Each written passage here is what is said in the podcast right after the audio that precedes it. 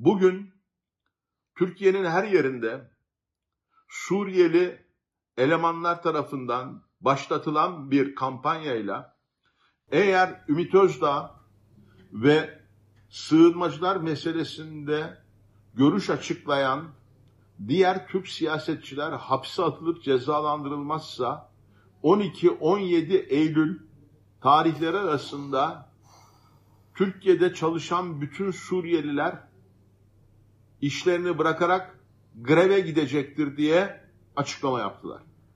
Bu kabul edilebilir değil. Evet, Zafer Partisi Genel Başkanı Ümit Özdağ'ın iddiası bu yönde. Ümit Özdağ'a göre sosyal medyada bir dolaşım e, söz konusu ve o dolaşımda deniliyor ki e, işte siyasetçiler e, özellikle Suriyelilere yönelik ırkçı paylaşım yap, yapan siyasetçiler hapisle cezalandırılsın. Eğer bu olmazsa e, Suriyeliler, Türkiye'de yaşayan Suriyeliler 12 ile 17 Eylül arasında genel greve gitsin e, diye bir iddiada bulunuyor. E, Ümit Özdağ o sosyal medyada Facebook'taki paylaşımdan yola çıkarak. Tabii ki gerçek e, Ümit Özdağ'ın yani Zafer Partisi liderinin söylediği gibi değil. Bu gerçekleri konuşmaya çalışacağız bugün. Ama öncesinde bazı bilgileri paylaşmak istiyorum. E, arkadaşlarım söz konusu sosyal medya paylaşımını e, ekrana getirirse dediğim gibi bu geçtiğimiz günlerde Facebook'ta e, paylaşılan bir e, metin ve bu metinde bir genel grev çağrısı söz konusu. Ama Ümit Özdağ'ın iddia ettiği gibi e, Suriyeli karşıtı siyasiler hapiste cezalandırılsın denmiyor bu metinde yargılansınlar ifadesi var. Zira birazdan zaten bu metnin analizini e, Suriyeli bir e, aktivistle konuşacağız. Ama beri taraftan da e, Suriyelilerle ilgili bir hafızayı da hatırlatmakta fayda var. Biliyorsunuz Göç Başkanlığı'nın e, son verilerine göre Türkiye genelinde yaşayan Suriyelilerin, Suriyeli sığınmacıların sayısı 3.7 ki buna yeni doğumlar da dahil. Tabii ki bu arada Türkiye'den gitmek zorunda kalan Suriyeliler de bu rakama dahil mi onu bilmiyoruz tabii ki. E, zaten siyaseten çok karşılığı olan bir e, mevzudan söz ediyoruz. Sosyal bir sorundan söz ediyoruz. Siyaseten karşılığını yöneylemin e, son araştırmasında görebiliriz. Yöneylem e, Ağustos-Eylül araştırmasında ki ben hemen onun künyesini de biraz bilgilerini vereyim. 25 Ağustos 1 Eylül tarihlerinde 27 ilde 2400 kişiyle yapılan bir araştırmaya göre de e, Zafer Partisi'nin oy oranı 3.4'e ulaşmış durumda. E, yeni bir parti Zafer Partisi ve bütün siyasetini Suriye ve göçmen sığmacı karşıtlığı üzerinden kuran bir parti. Beri taraftan da Suriyelilere yönelik saldırıları da herhalde hatırlatalım. Eylül geçtiğimiz Eylül ay, ayında Altındağ, Ankara Altındağ'da Suriyelilerle bir Türkiye'li bir genç 18 yaşındaki Emirhan Yalçın'ın arasında çıkan bir tartışmanın bıçaklanarak ve bir can kaybına e, yol açan bir olayla sonuçlanması üzerine ki tabii ki hayatını kaybeden gen, gencin ailesine de buradan taziyelerimizi bir kez daha hatırlatalım. Bu olayların ardından Altındağ'da ki Ankara'da ağırlıklı olarak e, Suriyelilerin yaşadığı bir mahalle Orada da Suriyelilerin iş yerleri, evleri taşlanmış, yağmalanmıştı. Ardından evler yıkıldı. Suriyelilerin çoğu oraya oradan göç etmek zorunda kaldı. Aslında biraz da hükümetin seyreltme politikasının bir devamı olarak. Yine İzmir Güzelbahçe'yi hatırlayacaksınız. Orada da Suriyeli 3 işçi kaldıkları mekan e, ateşe verilerek öldürüldü, yakılarak öldürüldü. Yine hatırlayacaksınız Esenyurt'ta bir e, e, çocuğa taciz e, istismar iddiasıyla e, bir Suriyeli linç edilmiş edilmeye çalışılmıştı, camiye sığınmıştı. Sonrasında valilik açıklama yapıl, yaptı ve gözaltına alındığını söyledi. Yani bu pogromu hatırlatacak, e, onu çağrıştıracak olaylar çok fazla. Son olarak şunu da hatırlatmam gerekiyor. Hatay'da bir genç, 17 yaşında bir genç adı hmm, Faris'ti diye hatırlıyorum değil mi? Faris Muhammed Al Ali. Onun da fotoğrafını getirirsek arkadaşlar ekrana. Kendisi 17 yaşında bir gençti. E, tıp fakültesini kazanmıştı. E, Hatay'daki e, okul harçlığını çıkarmak için zaman zaman çalıştığı bir iş yerinde, Narlıca ilçesinde oluyor bu. Bir iş yerinde e, ustabaşı bir kadına çarptıktan sonraki hikayenin ardından ustabaşı kadının e, çocukları ve arkadaşlarıyla e, bir tartışma sonucu bu genç de bıçaklanarak öldürüldü. İşte cenazesi sonrası İdlib'de toprağa verildi.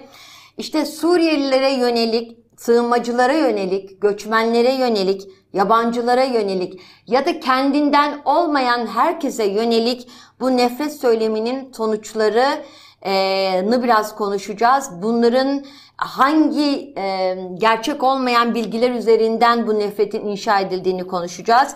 E, kendisi de Suriye'den göçmek zorunda bırakılan e, Taha El Gazi ile konuşacağız. Taha El Gazi Sığınmacı Hakları Platformu'nun üyesi Tabi hoş geldiniz. Hoş bulduk. Hoş bir konudan bahsetmiyoruz ama ilk benim bu programı yapmaktaki ilk büyük amacım bu üretilen gerçek dışı bilgileri tam da kaynağı e, kaynağı kaynağıyla konuşup teyit etmek. Doğru mu değil mi?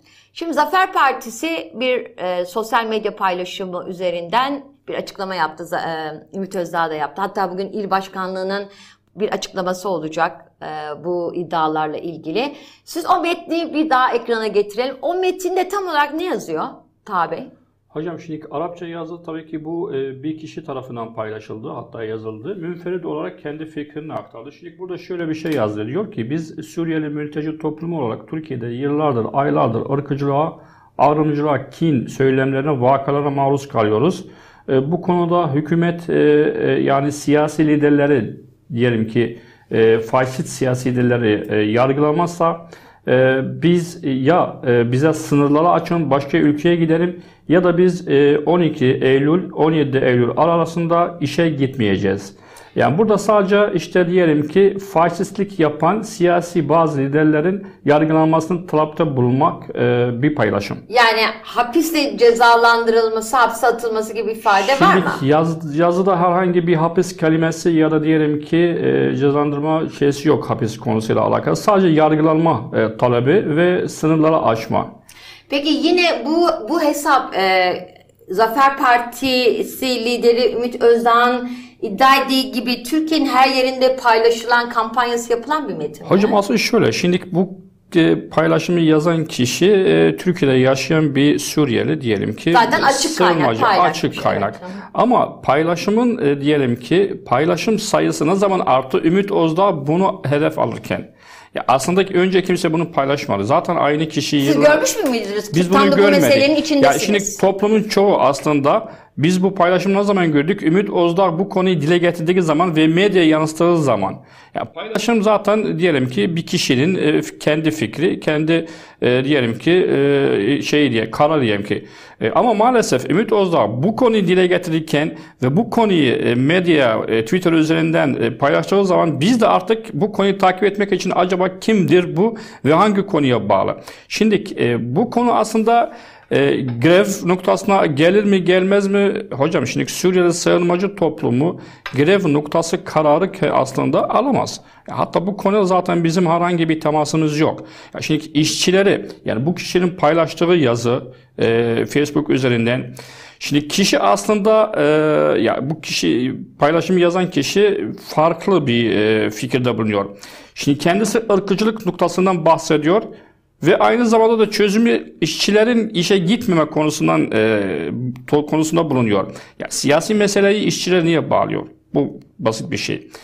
E, ayrıca yanında tuhaf bir nokta var. Biz onu takip ettik. Şimdi Ümit Özdağ bu konudan korkuyor. Ve bu konuyu dile getirdi. Bakın Suriyeli işçiler grev noktasına geldi. Suriyeli işçiler işe gitmeyecek bir hafta. E, Ümit Özdağ yıllardır, aylardır zaten kendisi kendi diliyle şu sözde bulunuyordu. Suriyeliler geldi bizim vatandaşımıza, gençlerimize iş bırakmadılar. Yani Ümit Özdağ bir yandan Suriyeli işçilerden şikayet bulunuyor. Yan yandan Suriyeli işçiler işe gitmeyen zamandan da onlardan da bazı işe rahatsız oluyor. Yani kendisi ne istiyor? Suriyeli işçilerin işe gitmesini istiyor? Yoksa Suriyeli işçilerin işlere gitmemesini istiyor? Biz de Ümit Özdağ'ın fikrini gerçekten anlamadık. Bir yandan şikayet oluyor, diğer yandan şikayet oluyor.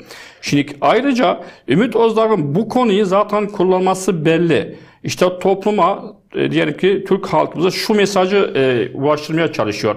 Bakın Suriyeli burada kendilerini işte diyelim ki örgütlemeye çalışıyorlar. Yarın bugün grev yaparsa bir gün protesto yaparlar, sokaklara inerler.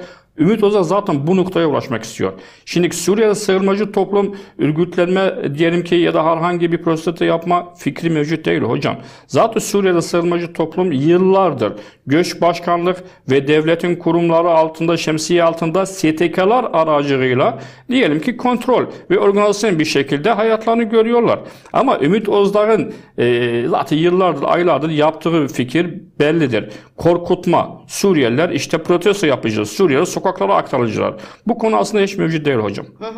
Peki Taha, e, Taha Bey şunu da sormak istiyorum. Yine bu Ümit Özdağ'ın paylaştığı ve e, siyaseten de basın açıklaması yaptıkları konuyla ilgili söz konusu paylaşımı yapan kişi herhalde müferit bir kişi değil mi? Yani bir kuruma bağlı değil, bir kurum adına söz alan ya da daha örgütlü bir yapıdan gelen bir kişi değil değil mi? Hocam bu paylaşımı yapan kişi aslında bir yatırımcı, bir iş adamı. Herhangi bir örgüte, herhangi bir siyasi partiye, herhangi bir siyasi diyelim ki meclise ya da heyete ya da herhangi bir derneğe bağlı değil. Kendi kendisiyle fikrini aktardı. Aynı zamanda diyelim ki paylaşımlar oldu.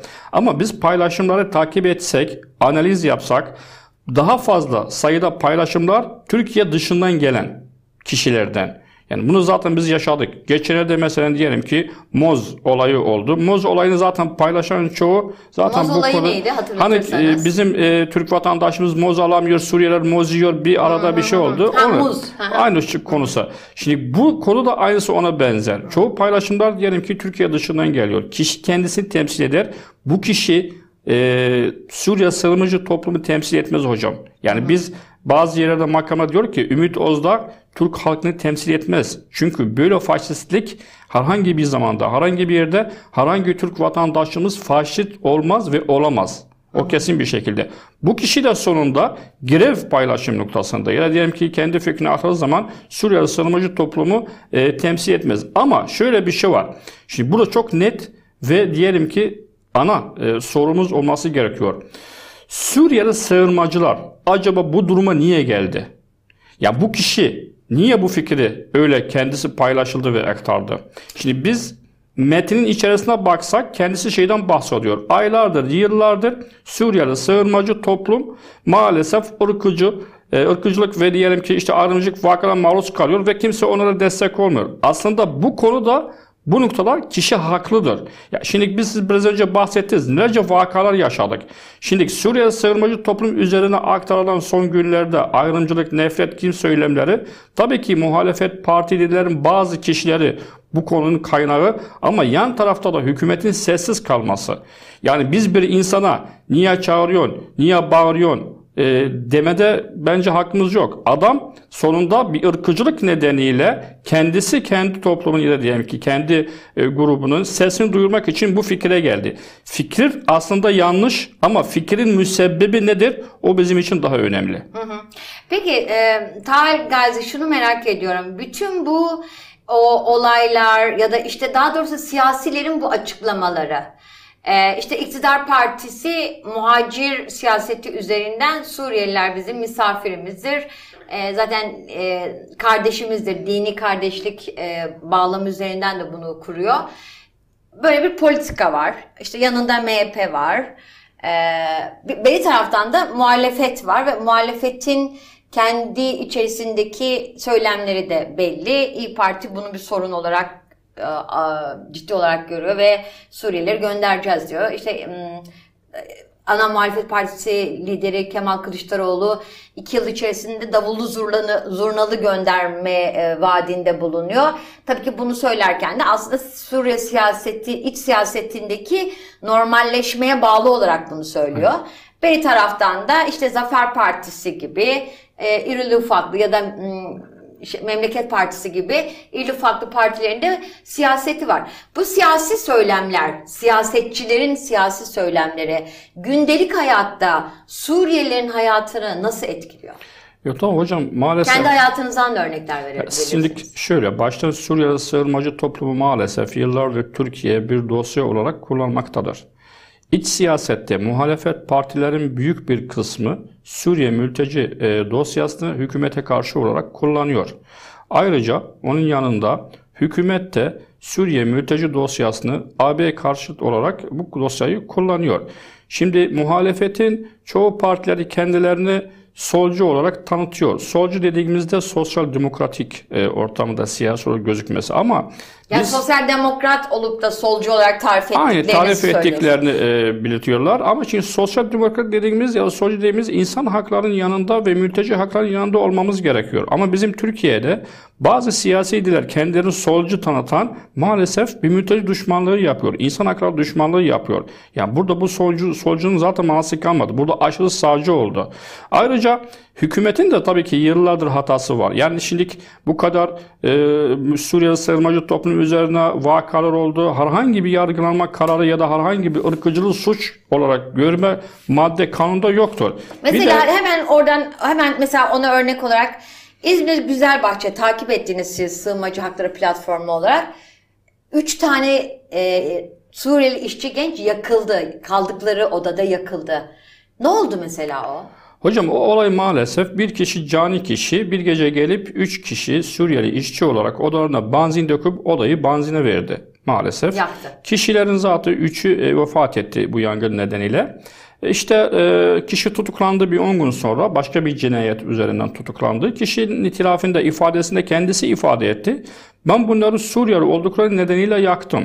Şimdi biz ya bir Suriye sığınmacı aktivist olarak ben şöyle bir şey düşünüyorum. Bizim halkımız, Türk halkımız 1993 olayını, Solingen olayını bugüne kadar hatırlıyor. Evet, Ve her yıl yakıldığı olay. Aynı genç Naziler ailesi, tarafından. genç ailesi. Hı hı. Ve her yıl biz onu hatırlıyoruz. E peki onun yanında geçen sene güzel bahçede aynı olay yaşandı. Ama herhangi medyada, herhangi diyelim ki işte bu konuyu takip eden devlet kurumdan temsilcilerin, yetkililerden kimse olmadı.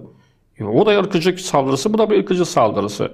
Onun ardından diyelim ki Hamza Acan, Bursa'da katleden kişi, o da pazarda vurarak öldürüldü. Onun yanında diyelim ki Altındağ olayları, ondan önce iki telli olayları, ondan sonra Naif'in Naif e, Bayrampaşa'da, ondan sonra diyelim ki işte Şerif Ahmet Bağcılar'da, son Antakya'da Farisi El Ali. Şimdi bu konular maalesef işte gitgide hükümetin sessiz kaldığı durumda bu sessizlik aslında faşist yapan gruplara bir teşvik ediyor. Daha bir güç veriyor. Yani şimdi Suriyeli sığınmacı kişinin e, imajı bizim Türk halkımızın gözünde şöyle. Herhangi bir Suriyeli vatandaşı sen gidip vurabilin, dövebilin, öldürebilin. Bunun arkasında kimse yok. Bir de faşist yapan kişiler son aylarda maalesef Ümit Özdağ gibi kişiler faşistlik, ırkıcılığı, ayrımcılığı, kin duygularını milliyetçiliğe bağladı. Biz bazı yerlerde herhangi bir mülteci, bir yabancıyı saldıran kişiyle mulakat yaparken, görüşürken adam iftihar ediyor. Ben yaptım diyor. Yani şunu mu demek istiyorsunuz? Bu, bu ırkçılık ki insanlık suçu biliyoruz. Ee, bunun işte uluslararası literatürde ve e, uluslararası metinlerde de yeri var. E, bu ırkçılık milliyetçilikle birleştirilerek e, aslında gurur duyulacak bir söyleme mi dönüşüyor? Aynen böyle hocam. Aynen böyle. Bir de bunun zaten etkisi sadece mültecilere, yabancılara etki vermiyor. Biz geçen zaten yaşadık. Mesela Kayseri'de iki tane Türk vatandaş Çerkes kökenli, Çerkesle konuştukları nedeniyle saldırıya maruz kaldılar. Oraya geleceğiz tabi. Talha Bey şunu merak ediyorum ben. O gündelik hayatınızda bu e, ırkçı e, işte nefret söylemi içeren ifadeler, açıklamalar, politikalar Suriye, burada yaşayan Suriyelilerin gündelik hayatını nasıl etkiliyor? Orada kalmıştık. Baştan hocam, baştan zaten şimdiki okul açılışı dönemi. E, şu an Suriye ailelerinin %60'ı çocuklarını okula göndermeyecek. Öyle mi? korkuyorlar tabii ki. Yani Yüzde biz- altmışı. Yüzde altmışı. Biz geçen de bir anket yaptık, araştırma yaptık. Yani bizim oradaki civarlarda herkes korkuyor. Biz de bu konuyu zaten raporlarla diyelim ki işte derneklere, STK'larla paylaştık. Bu konu çok önemli. Çok önemli. Yani Türkiye'de yaşayan Suriyelilerin yüzde altmışı Zaten geçen de Ziya Selçuk hocamızdan sonra gelen e, Mahmut, Mahmut- hocamız evet, Mahmut e. Milli Eğitim Bakanlığı'nın son raporuna istinaden 1 milyon 1.24 bin diyelim ki yani 1 milyon 124 bin e, Suriyeli öğrenci okul çağında bunların içerisinde 400 bin Suriyeli çocuk okul e, ya da diyelim ki eğitim sistem dışında. Şimdiki soru burada 400 bin 400 bin çocuk niye eğitim sistem dışında? Aileler göndermiyor neden? Aileler göndermiyor. Korku var. Ya maalesef ırkıcı söylemleri sadece yetişkinlere etki vermiyor. Çocuklara da zaten veriyor. Şimdi e, bu konu yani ayrımcılıkla, ırkçılıkla, faşistle mücadele kişiye bağlı değil. Kim olursa olsun. Ümit Özdağ olsun, Dilek olsun. Bu fikir aslında artık maalesef toplumun içerisinde yayınlanırsa çok tehlikeli olur. Okullarda son dönemlerde bazı okullarda ırkıcılık duyguları da arttı. Yani bir Türk vatandaş çocuk bugün mülteci çocuğu dışlarırsa öbür gün gelir kendi vatandaşını da dışlayabilir. Bu her düzeyde mi? Yani ilkokul, orta öğretim, her düzeyde mi? İlkokul Hocam, çağında var mı mesela ilkokul çağın- çocukların ilkokul- arasında ırkçılık? Tabii ki var çünkü çocuklar maalesef ailelerinden etkileniyor. Bazı çocuklar tabii ki ailelerden ve sosyal medyadan ve hatta bazı okullarda bazı öğretmenlerden de etkileniyor. Şimdi eğitim sistem bünyesinde şöyle bir şey var. Sosyal uyum sınıfları var. Suriyeli çocuklar bir sınıfta olduğu zaman Suriyeli çocukları alıp ayrı bir sınıfa bırakıyorsunuz. Sosyal Ne? uyum Sosyal. Türkçesi amaçlı. iyi olmadığı diye, Türkçesini daha iyi ileri getirmek için.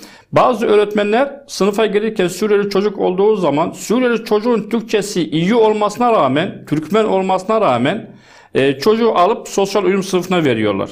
Yani bu da zaten maalesef bir ayrımcılık duygusu. Tabii ki bazı biz diyoruz. Ama bu konular çok önemli hocam. Yani e, ırkçılık, ayrımcılık, kin, nefret söylemleri, vakalar bizim ülkemizin tarihinde mevcuttur. Zaten biz iki yıl önce 6-7 Eylül e, vakalarını Evet, evet. yaşadık. Programı, yani biz ım, Allah korusun tekrar bir şey yaşamamak için bugün biz sadece Suriye sığınmacı e, toplumun işte haklarını müdafaa ederken savunurken biz sığınmacılığın, yabancılığın hakkını savunmuyoruz. İnsan hakkını aslında savunuyoruz. Çünkü faşistlik, ırkçılık, ayrımcılık sadece bir kişiyi temsil etmez. O bir hastalıktır. Biz bunu bırakırsak, serbest bırakırsak, meydanda bırakırsak ona buna da bulaşabilir. Zaten bulaştı maalesef ve kendi vatandaşımıza da onun etkisi de oldu. Peki şimdi e, bu okullar düzeyindeki ırkçılıktan söz ettiğiniz ki çok çarpıcı. İlkokul seviyesinde bile e, bu tür vakalar yaşanabiliyor. Mesele bunun ne kadar çok olup olmadığı meselesi değil. Mesele bunun ilkokul düzeyine kadar inmesi. Ben mes- e, soruna buradan e, bakılması gerektiğini düşünüyorum. İş yerlerinde durumlar nasıl? Sokakta nasıl? Hocam- Mesela e, kolay ev bulabiliyorlar mı Suriyeliler? Mesela ne tür ayrımcılıklara maruz kalıyorlar? Özellikle bu tür söylemlerin daha çok tedavüle girdiği, dolaşıma girdiği e, iklimde. Irkçılık duyguları tabii ki iş yerlerinde daha e, düşük bir seviyede. Çünkü işçi ortamı sonunda ezilmiş bir ortam. Yani Türk işçisi, Suriyeli işçisi ya da yabancı bir işçi sonunda o işçi. Zaten aynı durumu yaşıyorlar. Aynı eziyeti, aynı sınıftaşlık yani aynı görüşme diyelim ki. Ee, sığınmacı toplum üzerine ırkçılık hangi e, diyelim ki alanlarda yükselir? Bir mahallede İki diyelim ki e, işte meydanlarda, sahillerde, parklarda bizim tanrımıza istinaden, bizim çevremizde yaşayan Suriyeliler istinaden Şubat ayından bugüne kadar çoğu aileler artık sahillere, parklara çıkmıyor.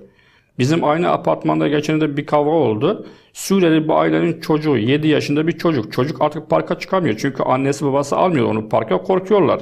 A, parkta bizi kimse görür bizi saldırırlar. Bizi Suriyeli zaten belli bizim giyişimizden şeyimizden belli. Çocuk sonunda çocuk. Çocuğun bir enerjisi var. Çocuk işte evde oynuyor top oynuyor. Alt komşusu Türk vatandaş.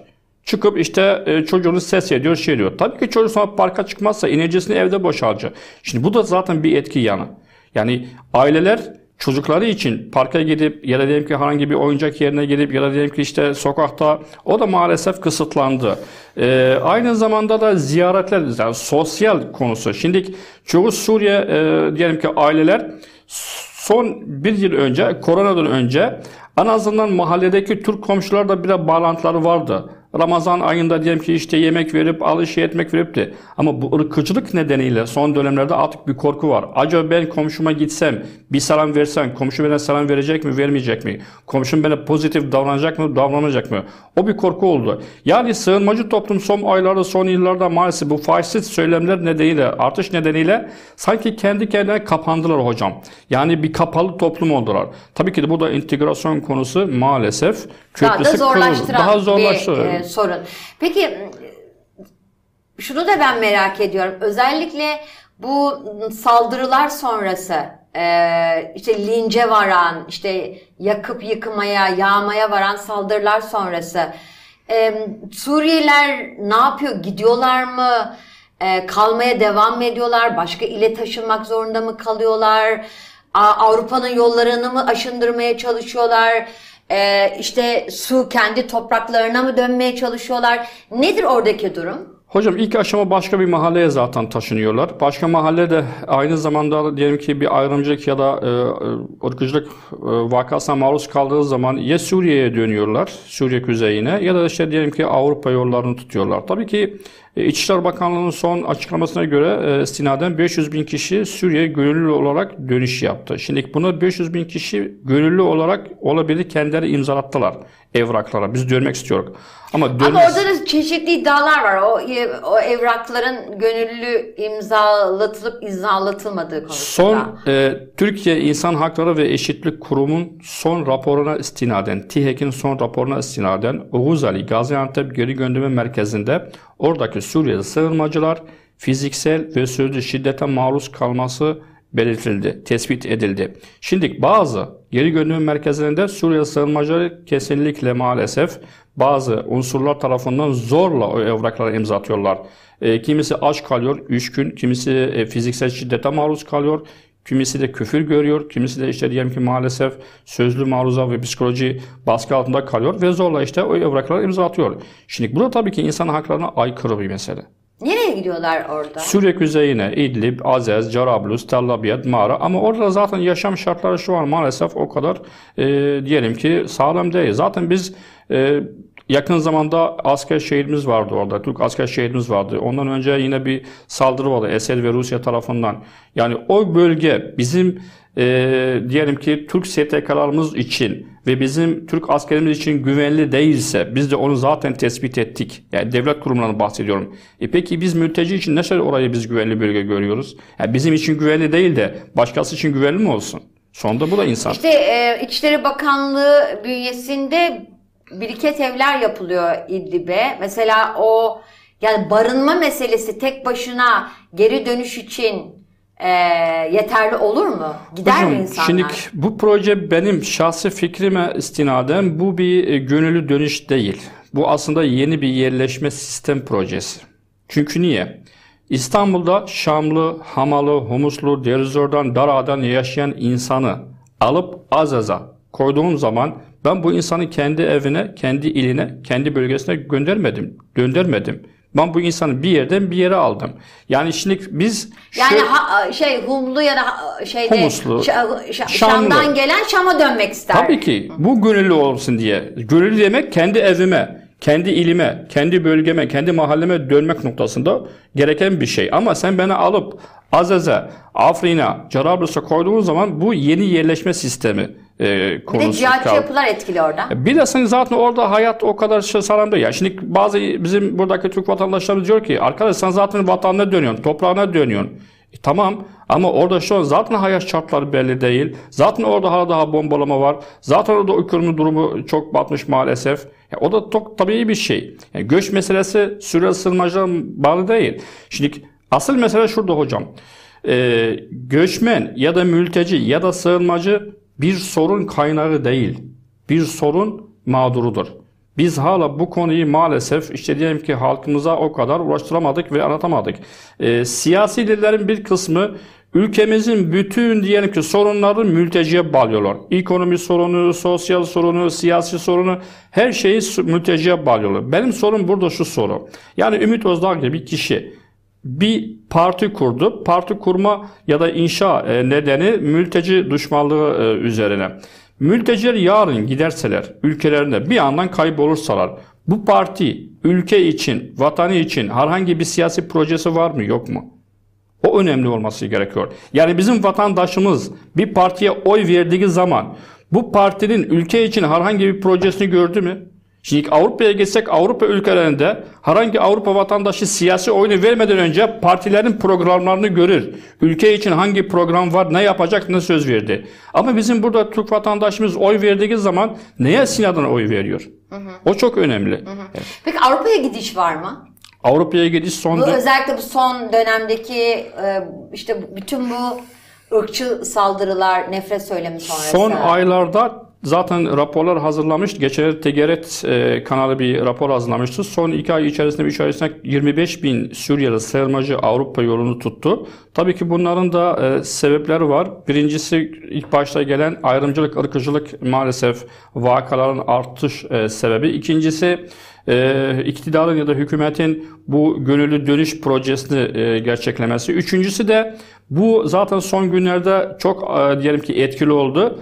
Ee, bazı siyasi liderlerin ağzından gelen işte biz e, Esed'le tekrar uzlaşma ya da diyelim ki işte yeni bir siyasi kanal açmayı düşünüyoruz. Onun, onun evet yankısını da soracaktım. O tabii ki çok etkisi oldu. Şimdi buradaki sığınmacı toplum kesin bir şekilde Esed'le bir araya gelip bir masaya oturup konusunu düşünmezler ve düşünme Neden? imkanı yok. Çünkü Esed bu kadar 1 milyon insanı katletti. Kimyasal silah kullandı. Kimisi cezaevinde, kimisi işte göç oldu, kimisi öldürüldü, kimisi tutuklandı. Ben bu kişiye nasıl tekrar gelip de bu kişiyi ben Cumhurbaşkanı kabul edeceğim. Kimse bunu kabul etmez hocam. Ee, Eğer Esad e, siyasi öz eleştiri verir ve bütün o cezaevlerini boşaltır, bir tür siyasi af söz konusu olursa bu yine etkili olmaz mı? Hocam Esed'e kimseye güvenemez. Esed yıllardır son 5 yıl içerisinde zaten 4-5 af çıkarttı. Af çıkarttığı zaman kimisi dönen oldu. Bazı Suriye vatandaşlarımız Lübnan'dan, Türkiye'den şu an tutuklular cezaevinde. Kimisi de hayatını kaybetti. Yani bu e, ırkçı ve nefret söylemiyle beraber Avrupa'ya gidişlerde bir bunun etkisi var. Bir de e, Esad'la yani Suriye yönetimiyle ya da Suriye rejimiyle e, uzlaşılacağı Uzlaşıcı. Bir de işte ekonomi durumu, enflasyonun yüksek noktaya gelmesi. Bu da zaten sonra sığınmacı e, kişiye etkisi oluyor. Yani şimdi bizim buradaki Türk vatandaşımız zaten ekonomi krizinden ve enflasyon konusundan etkilendi. Ya ama burada vatandaşımızın maaşı diyelim ki 10-15 olsa mültecinin maaşı 4 milyar. Yani yarısından daha düşük. Bizim vatandaş biri. ya üçte bir. Bizim madem ki vatandaşımız ekonomik krizinden ve aynı zamanda enflasyon noktasına etkilendiyse demek ki sığınmacı kişi daha çok etkileme e, durumunda kaldı. O yüzden Avrupa'yı düşünüyorlar. Peki tabi şunu da ben merak ediyorum.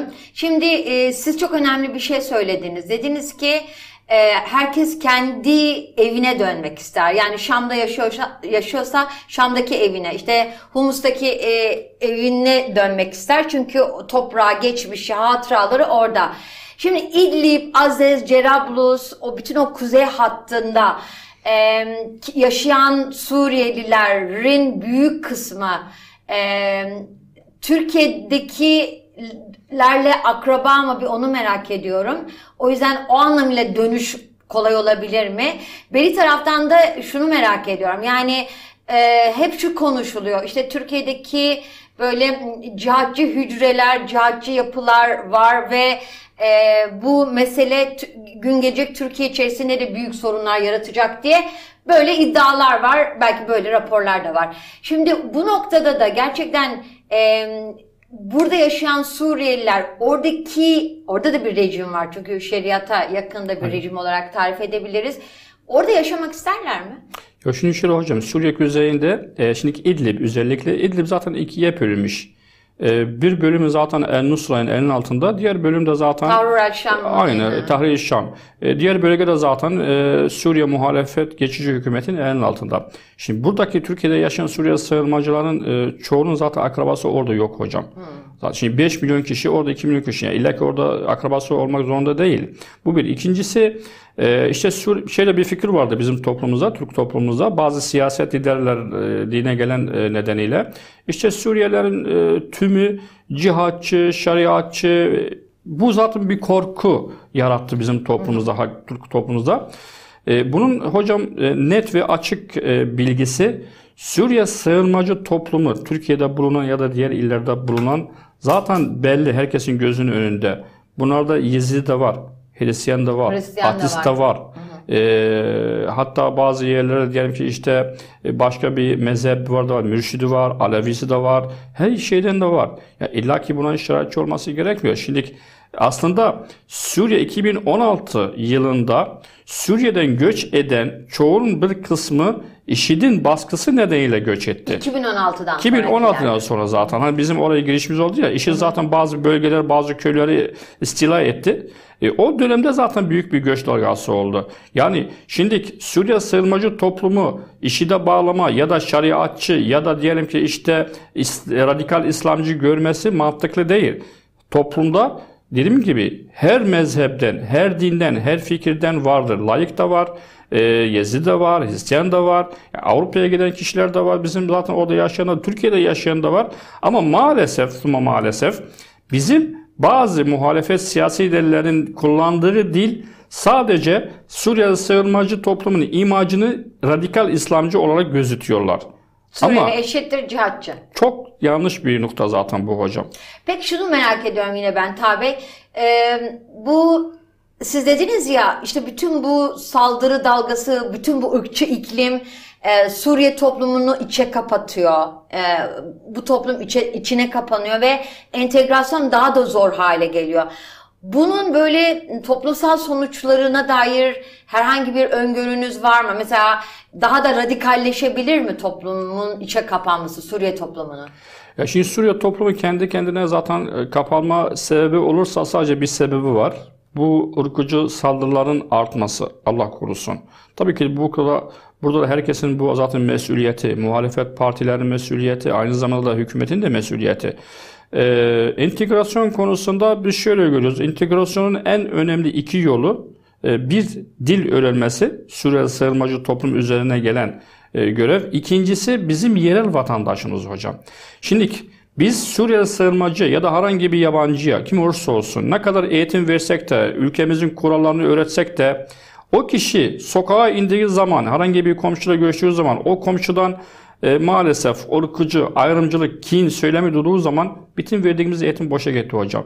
Bizim şu noktaya ihtiyacımız var. Kendi vatandaşımıza, kendi diyelim ki okullarda eğitim sistemi içerisinde yabancı insanla nasıl yaşayabiliriz? İnsanlık ortamında nasıl yaşayabiliriz? Bizim Almanya 1961 yılında iş gücü sözleşmesi üstinaden giden vatandaşlar, Türk vatandaşlarımız bugüne kadar biz bir araştırma yapsak Almanya'da entegrasyon projeleri iki noktaya dayanıyor. Bir, yabancı ülkelerden gelenler için eğitim dili, dil eğitimi. İkincisi Alman yerel vatandaşları yabancılarla nasıl yaşamak noktası. Aslında çok kültürlülük, e, kültürlülüğün belki müfredata girmesi. Ya şimdi şöyle bir basit bir şey. Göç toplumunu her ülke güç olarak görüyor. İlla Türkiye'de maalesef bir sorun olarak ve yük olarak gözüküyor. Bu çok önemli. Göç toplumunda doktor da var, öğretmen de var, mühendis de var, eğitim insanı var. Amerika mesela birinci örneğimiz. Amerika'nın çoğu oradaki araştırmacı hepsi göçmen ülkesi. Bütün yeni icatçıların biz kökenlerini görsek hepsi Amerikan vatandaşı değil aslında kökende. Çoğu başka ülkeden gelmiş. Almanya'da aynı şey. Yani bizim Almanya'da örneğimiz var. Bizim kendi vatandaşımız Şahin. Evet, Ee, evet. Bu korona- Biontech'i bulan E, Özlem bulan. Ve- Çok Evet. basit bir örnek yani. Biz bu konudan faydalanmamız gerekiyor. Bir de Türkiye'de e, diyelim ki 700 bin çocuk, 800 bin çocuk sayısına geldi. Türkiye'de doğan Suriyeli çocuk var. Peki bu 800 çocuklar e, diyelim ki bu, bu civarda. Ya bu çocuklar zaten bizim kendi ülkemizin eğitimini aldı, kendi eğitimimizin diyelim ki işte kültüründen etkilendi. Ya bu çocuk yarın vatanına dönse de aslında biz bu çocuğu kendi vatanında bir sefir olarak şu andan görmemiz gerekiyor. Yani ben şu noktayı e, vurgulamak istiyorum. Suriye sığınmacı toplumu üzerine düşmanlık yapan, ayrımcılık yapan şu noktayı niye düşünmüyorlar? Diyelim ki bugün biz Suriyeli mülteci toplumun tümü döndü Suriye'ye. Peki biz gelecek Suriye için siyasi bağlantılarımız, ticari bağlantılarımız, sosyal bağlantılarımızı niye düşünmüyoruz? Biz bugün Suriye sığınmacı topluma şu soruyu sorsak, bugün ya da yarın Suriye'ye dönseniz Türkiye'de hangi hatıra sizin beyninizde kalıcı, fikrinizde kalıcı? Toplumun %80'i hocam maalesef ırkıcı saldırıların hafızası kalıyor kenarda. Peki biz gelecek Suriye için, Esedsiz olsa bir Suriye olsun, biz o ülke için nasıl o bağlantıları kuracak? Faşistlik de yapsak zaten yarın o demek ki biz şimdiden maalesef ya Ümit Özdağ'ın fikrine gitsek biz demek ki şu andan şu günden itibaren Suriye ülkesini yeni Suriye ülkesini düşman ülke inşa ettik. Çünkü biz bunların üzerine geliyoruz. Her gün onları düşmanlıyoruz, dışlanıyoruz. Bunu düşünmemiz gerekiyor.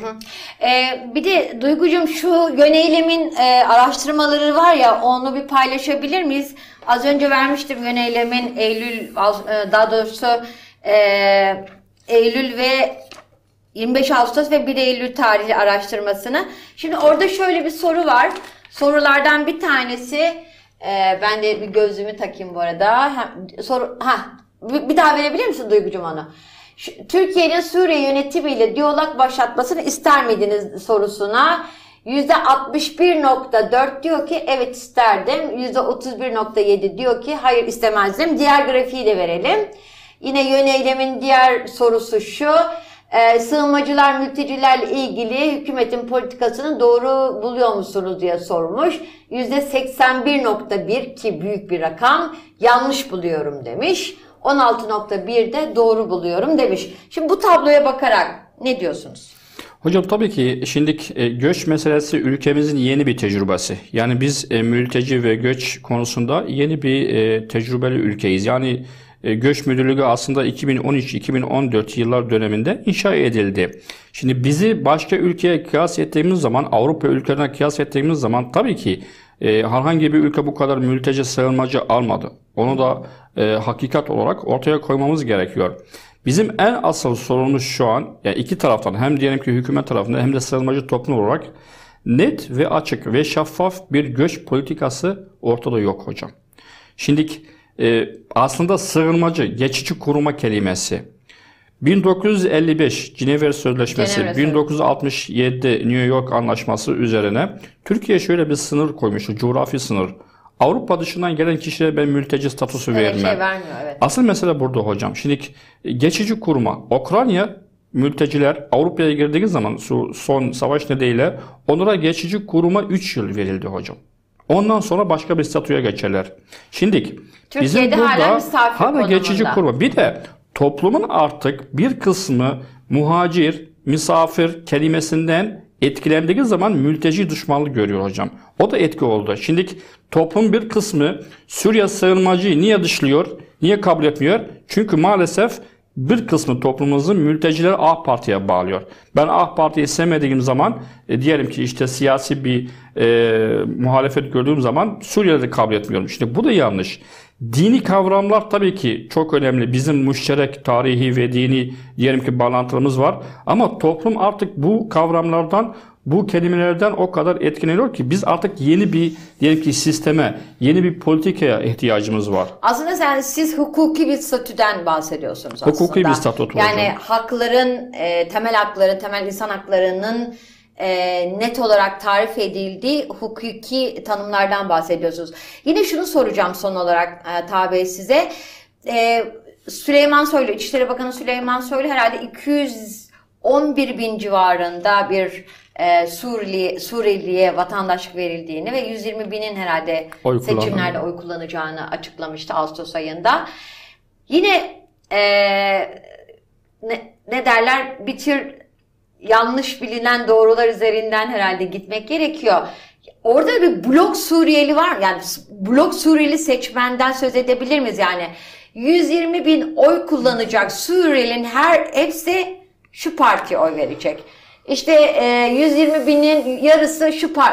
Böyle bir net bloktan söz edebilir Hocam miyiz? çünkü 120 bin aslında o kadar çok önemli bir sayı değil. Oy sandığında e, biz onu şey yapsak. Zaten onda Kemal Kılıçdaroğlu hocamız Oğuz Bey onu zaten açıkladı geçen bir açıklamasında. Yani korkutucu bir oy değil. Bu bir. İkincisi 120 binin e, tümü bir partiye mensup ya da bir partiye bağlı değil ve oyunu bir partiye vermeyecek.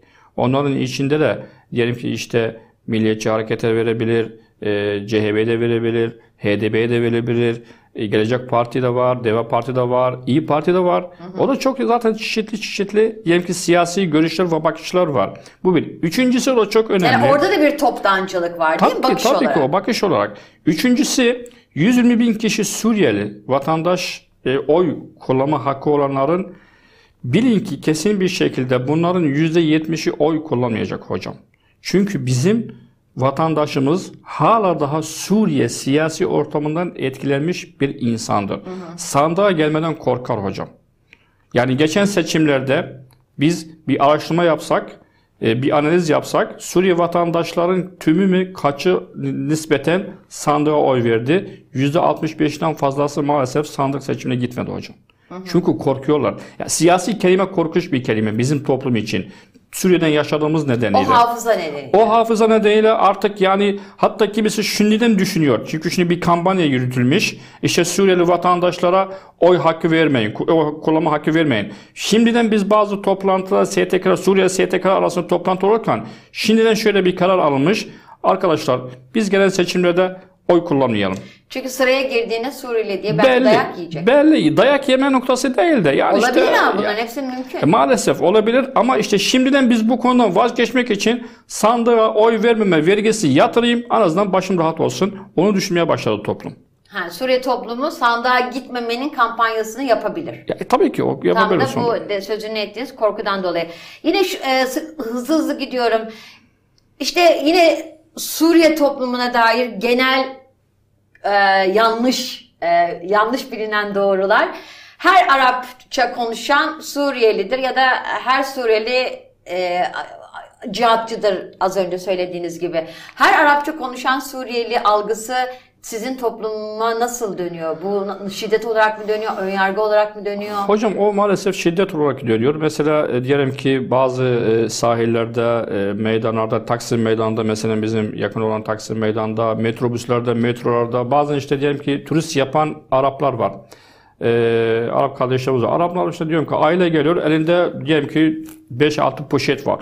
E, alışveriş merkezinden. Evet bir işte- de böyle bir zengin sınıfsal bir tepki de var Mesela diye düşünüyorum. şöyle bir fikir var maalesef. E, On fikir, ön fikir bizim halkımızda. Bakın işte Suriye vatandaşlar, e, sığınmacılar, mülteciler ama alışveriş merkezine girip her birisi 4-5 diyelim ki işte e, paket elbise alıp çıkıyor. Bunlara devlet maaş veriyor, para veriyor. Bunlar zenginler. Aslında bunlar Suriyeli değil. Bunlar Arap ve Arap körfezinden gelen diyelim ki turistler. Sadece burada değil, bütün ülkelerde de böyle bir şeyler var zaten. Yani bizim mesela bazı diyelim ki e, çoğu e, turist yapan kişiler e, şirket üzerinden, firma üzerinden çoğu işte İstanbul'a geliyor, alışveriş merkezine gidiyor. Şimdi bizim halkımız herhangi bir Arap kelimesini gördüğü zaman ya da Arap kelimesi duyduğu zaman hemen Suriye'ye bağlanıyor.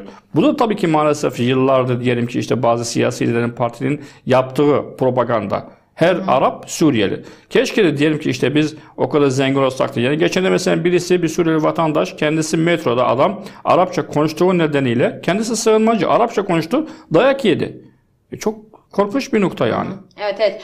Memlekette e, işte Çerkezce konuştuğu için e, Kayseri'de- Kayseri'de, Kayseri'de e, işte maalesef şiddet yani. görenler var. Kürtçe konuşup konuştuğu gerekçesiyle öldürülenler var. Arapça konuştuğu için. Aynen. Şiddet görenler var. İşte bu bütün bu örnekler bize aslında ateşin sadece e, belirli bir kesimi yakmayacağını, ateşin aslında herkesi e, yakma potansiyeli olduğunu gösteriyor. Yine şunu da sormak istiyorum. Akıllardaki sorulardan bir tanesi. Ciddi anlamda sosyal medyada işte kadına yönelik şiddet ve tacizlerde e, işte Afganlar, Pakistanlılar, Suriyeliler hedef gösteriliyor. Biz biliyoruz ki e, kadına yönelik taciz ve şiddetin et listesi olmaz. E, o tamamen e, erkek egemen kültürün bir tezahürüdür. Bununla ilgili ne tür şeylerle karşılaşıyorsunuz? Hocam biz son dönemde çoğu Suriyeli sığınmacı toplumla görüşürken işte diyelim ki STK aracılığıyla şu konuda şu fikirde şu uyarıda bulunuyoruz. Metrolarda, metrobüslerde telefon kullanmayın. Çünkü her anda birisi kalkıp işte diyelim ki kadının resmini çektin iddiasında bulunabilir ve oldu maalesef çoğu yerlerde, illerde. Şimdi bu konu tabii ki toplumun önemli çeken bir konusu. Yani bizim toplum sonunda diyelim ki Orta Doğu bir ülkesi. Kadın meselesi, namus meselesi, şeref meselesi çok önemli. Yani iddia ortaya çıktığı zaman gerçek mi gerçek değil mi bildiğimiz zamana kadar maalesef o kişi saldırıya uğruyor. Bu zaten da şöyle e, burada bir Yani sos- buradan şu sonucu çıkmasın. İşte e, şu et listeden bu et listeden meselesi değil ama e, kadına yönelik şiddet, taciz, tecavüz yani işte her toplumda yaşanabilecek, Aynen hocam. her ülkede yaşanabilecek bir gerçek. Bir gerçek. Ve yaşanıyor da zaten. Tabii ki sadece Suriye sınırı sorunu değil. Her Tabii. şeyde yaşanıyor maalesef hocam. Yani bunun sonuçlarının bir tanesi de insanlara toplu taşımada telefon kullanmayın uyarısı oldu diyorsunuz. Yani en basit şey. Peki son olarak şunu soruyorum. Siz 2013'ten beri e, Türkiye'desiniz. Siz de Suriye'deki o iç savaştan kaçmak zorunda kalanlardan bir tanesiniz. Aradan geçti işte 2013 9 9 yıl değil mi? 9 Aynen yıl 9 geçti. yıl geçti hocam. E, şu ana kadar nedir duygunuz? Keşke bir gün gelse de bir gün erken vatanıma, kendi ilime, kendi evime dönsem de hocam. Şimdi ben e, aslan Halepliyim, Azez bölgesinde. E, ama yaşamam, hayatım Derizor ilinde geçti. Yüksek lisans tez noktasına geldim fizik bölümünde. Savaş patladı. E, tabii ki kimse vatanını, e, yerini, mekanını, evini terk etme e, edemez. Ve bu kararı kendi iradesiyle alamaz hocam. Bizim diyelim ki işte e, toplumumuz, Suriye toplumu maalesef işte bu durumu mecburiyette kaldı. Mesele Suriye'de şu noktayı vurgulamak istiyorum ve tespit etmek istiyorum. E, mesele Suriye'de iç savaş değil. Mesele Suriye'de bizim karşımızda maalesef e, kendi devletimizin diyelim ki işte rejimi karşımıza geldi. Şimdi iç savaş dediğimiz nokta diyelim ki o zaman e, kürsü için ya da bir siyasi amaç için gruplar arasında bir çatışma oldu. Asıl mesele Suriye'de hocam e, yıllardır bizim karşımıza gelen bir rejim ve tüm ağır silah kullanan, kimyasal silah kullanan ve hatta Rusya'dan, İran'dan, Hizbullah'tan destek alan ve halkını öldüren bir rejim vardı. Keşke bir gün gelse de bir gün önce kendi ülkeme, vatanıma dönsem. Bizim asıl amacımız şu an Esed rejimin gitmesi. Esed rejim gitse yemin ederim bu toplumun Türkiye'de yaşayan, Lübnan'da yaşayan, Avrupa'da yaşayan toplumun birçoğu döner. Çünkü hocam evimiz taş taş üstüne olsa da tekrar vatanımız için emek vermemiz gerekiyor. Tekrar ülkemizi inşa etmemiz gerekiyor. Ama bu durumda bu katille bizim elimize bir şey gelmediği zaman ülkemize, vatanımıza dönme imkanı yok. Evet bu sözlerinizden aslında olası bir Esad yönetimiyle olası bir uzlaşma anlaşmanın aslında Türkiye topraklarında e, ki Suriye toplumunun en azından bir kısmının nasıl baktığını da gösteriyor diye e, düşünüyorum bu söyledikleriniz. Çok çok teşekkürler. Tamam, teşekkür ederim. Ee, işte dediğim gibi Suriyelilere yönelik ırkçı nefret söylemi e, herkesi yakabilecek potansiyele sahip bir e, kriz Aynen. ve bunun siyaseten istismar edilmesinin çok çok farklı örneklerini yaşıyoruz. E, doğru olmayan, yalan olan bilgiler dolaşıma sokuluyor ve bu dolaşım maalesef ki kendi yankı odalarında özellikle sosyal medyada çok hızlı yayılıyor, çok fazla etkiye sahip oluyor. O yüzden e, bu konudaki hassasiyet özellikle gazetecilik e, mecralarında e, çeşitli basın yani gerçek gazetecilik bağlamında da çok önemli. Çok da çok teşekkürler. Teşekkür ederim e, hocam. Siz- e, Ta- Taha Bey, işte sizin titrinizi bir daha hatırlatalım. Sığınmacı Hakları Platformu üyesi olarak siz aslında insan hakları mücadelesi veren bir kişisiniz. Sevgili T24 takipçileri, işte dolaşımda olan, yer yer adresi bir siyasi parti olan bilgilerin ne kadar gerçeği yansıtıp yansıtmadığı üzerinden aslında Türkiye'deki Suriye e, toplumuna ilişkin gerçekleri, ön yargıları, ayrımcılıkları, ırkçılıkları konuşmaya çalıştık.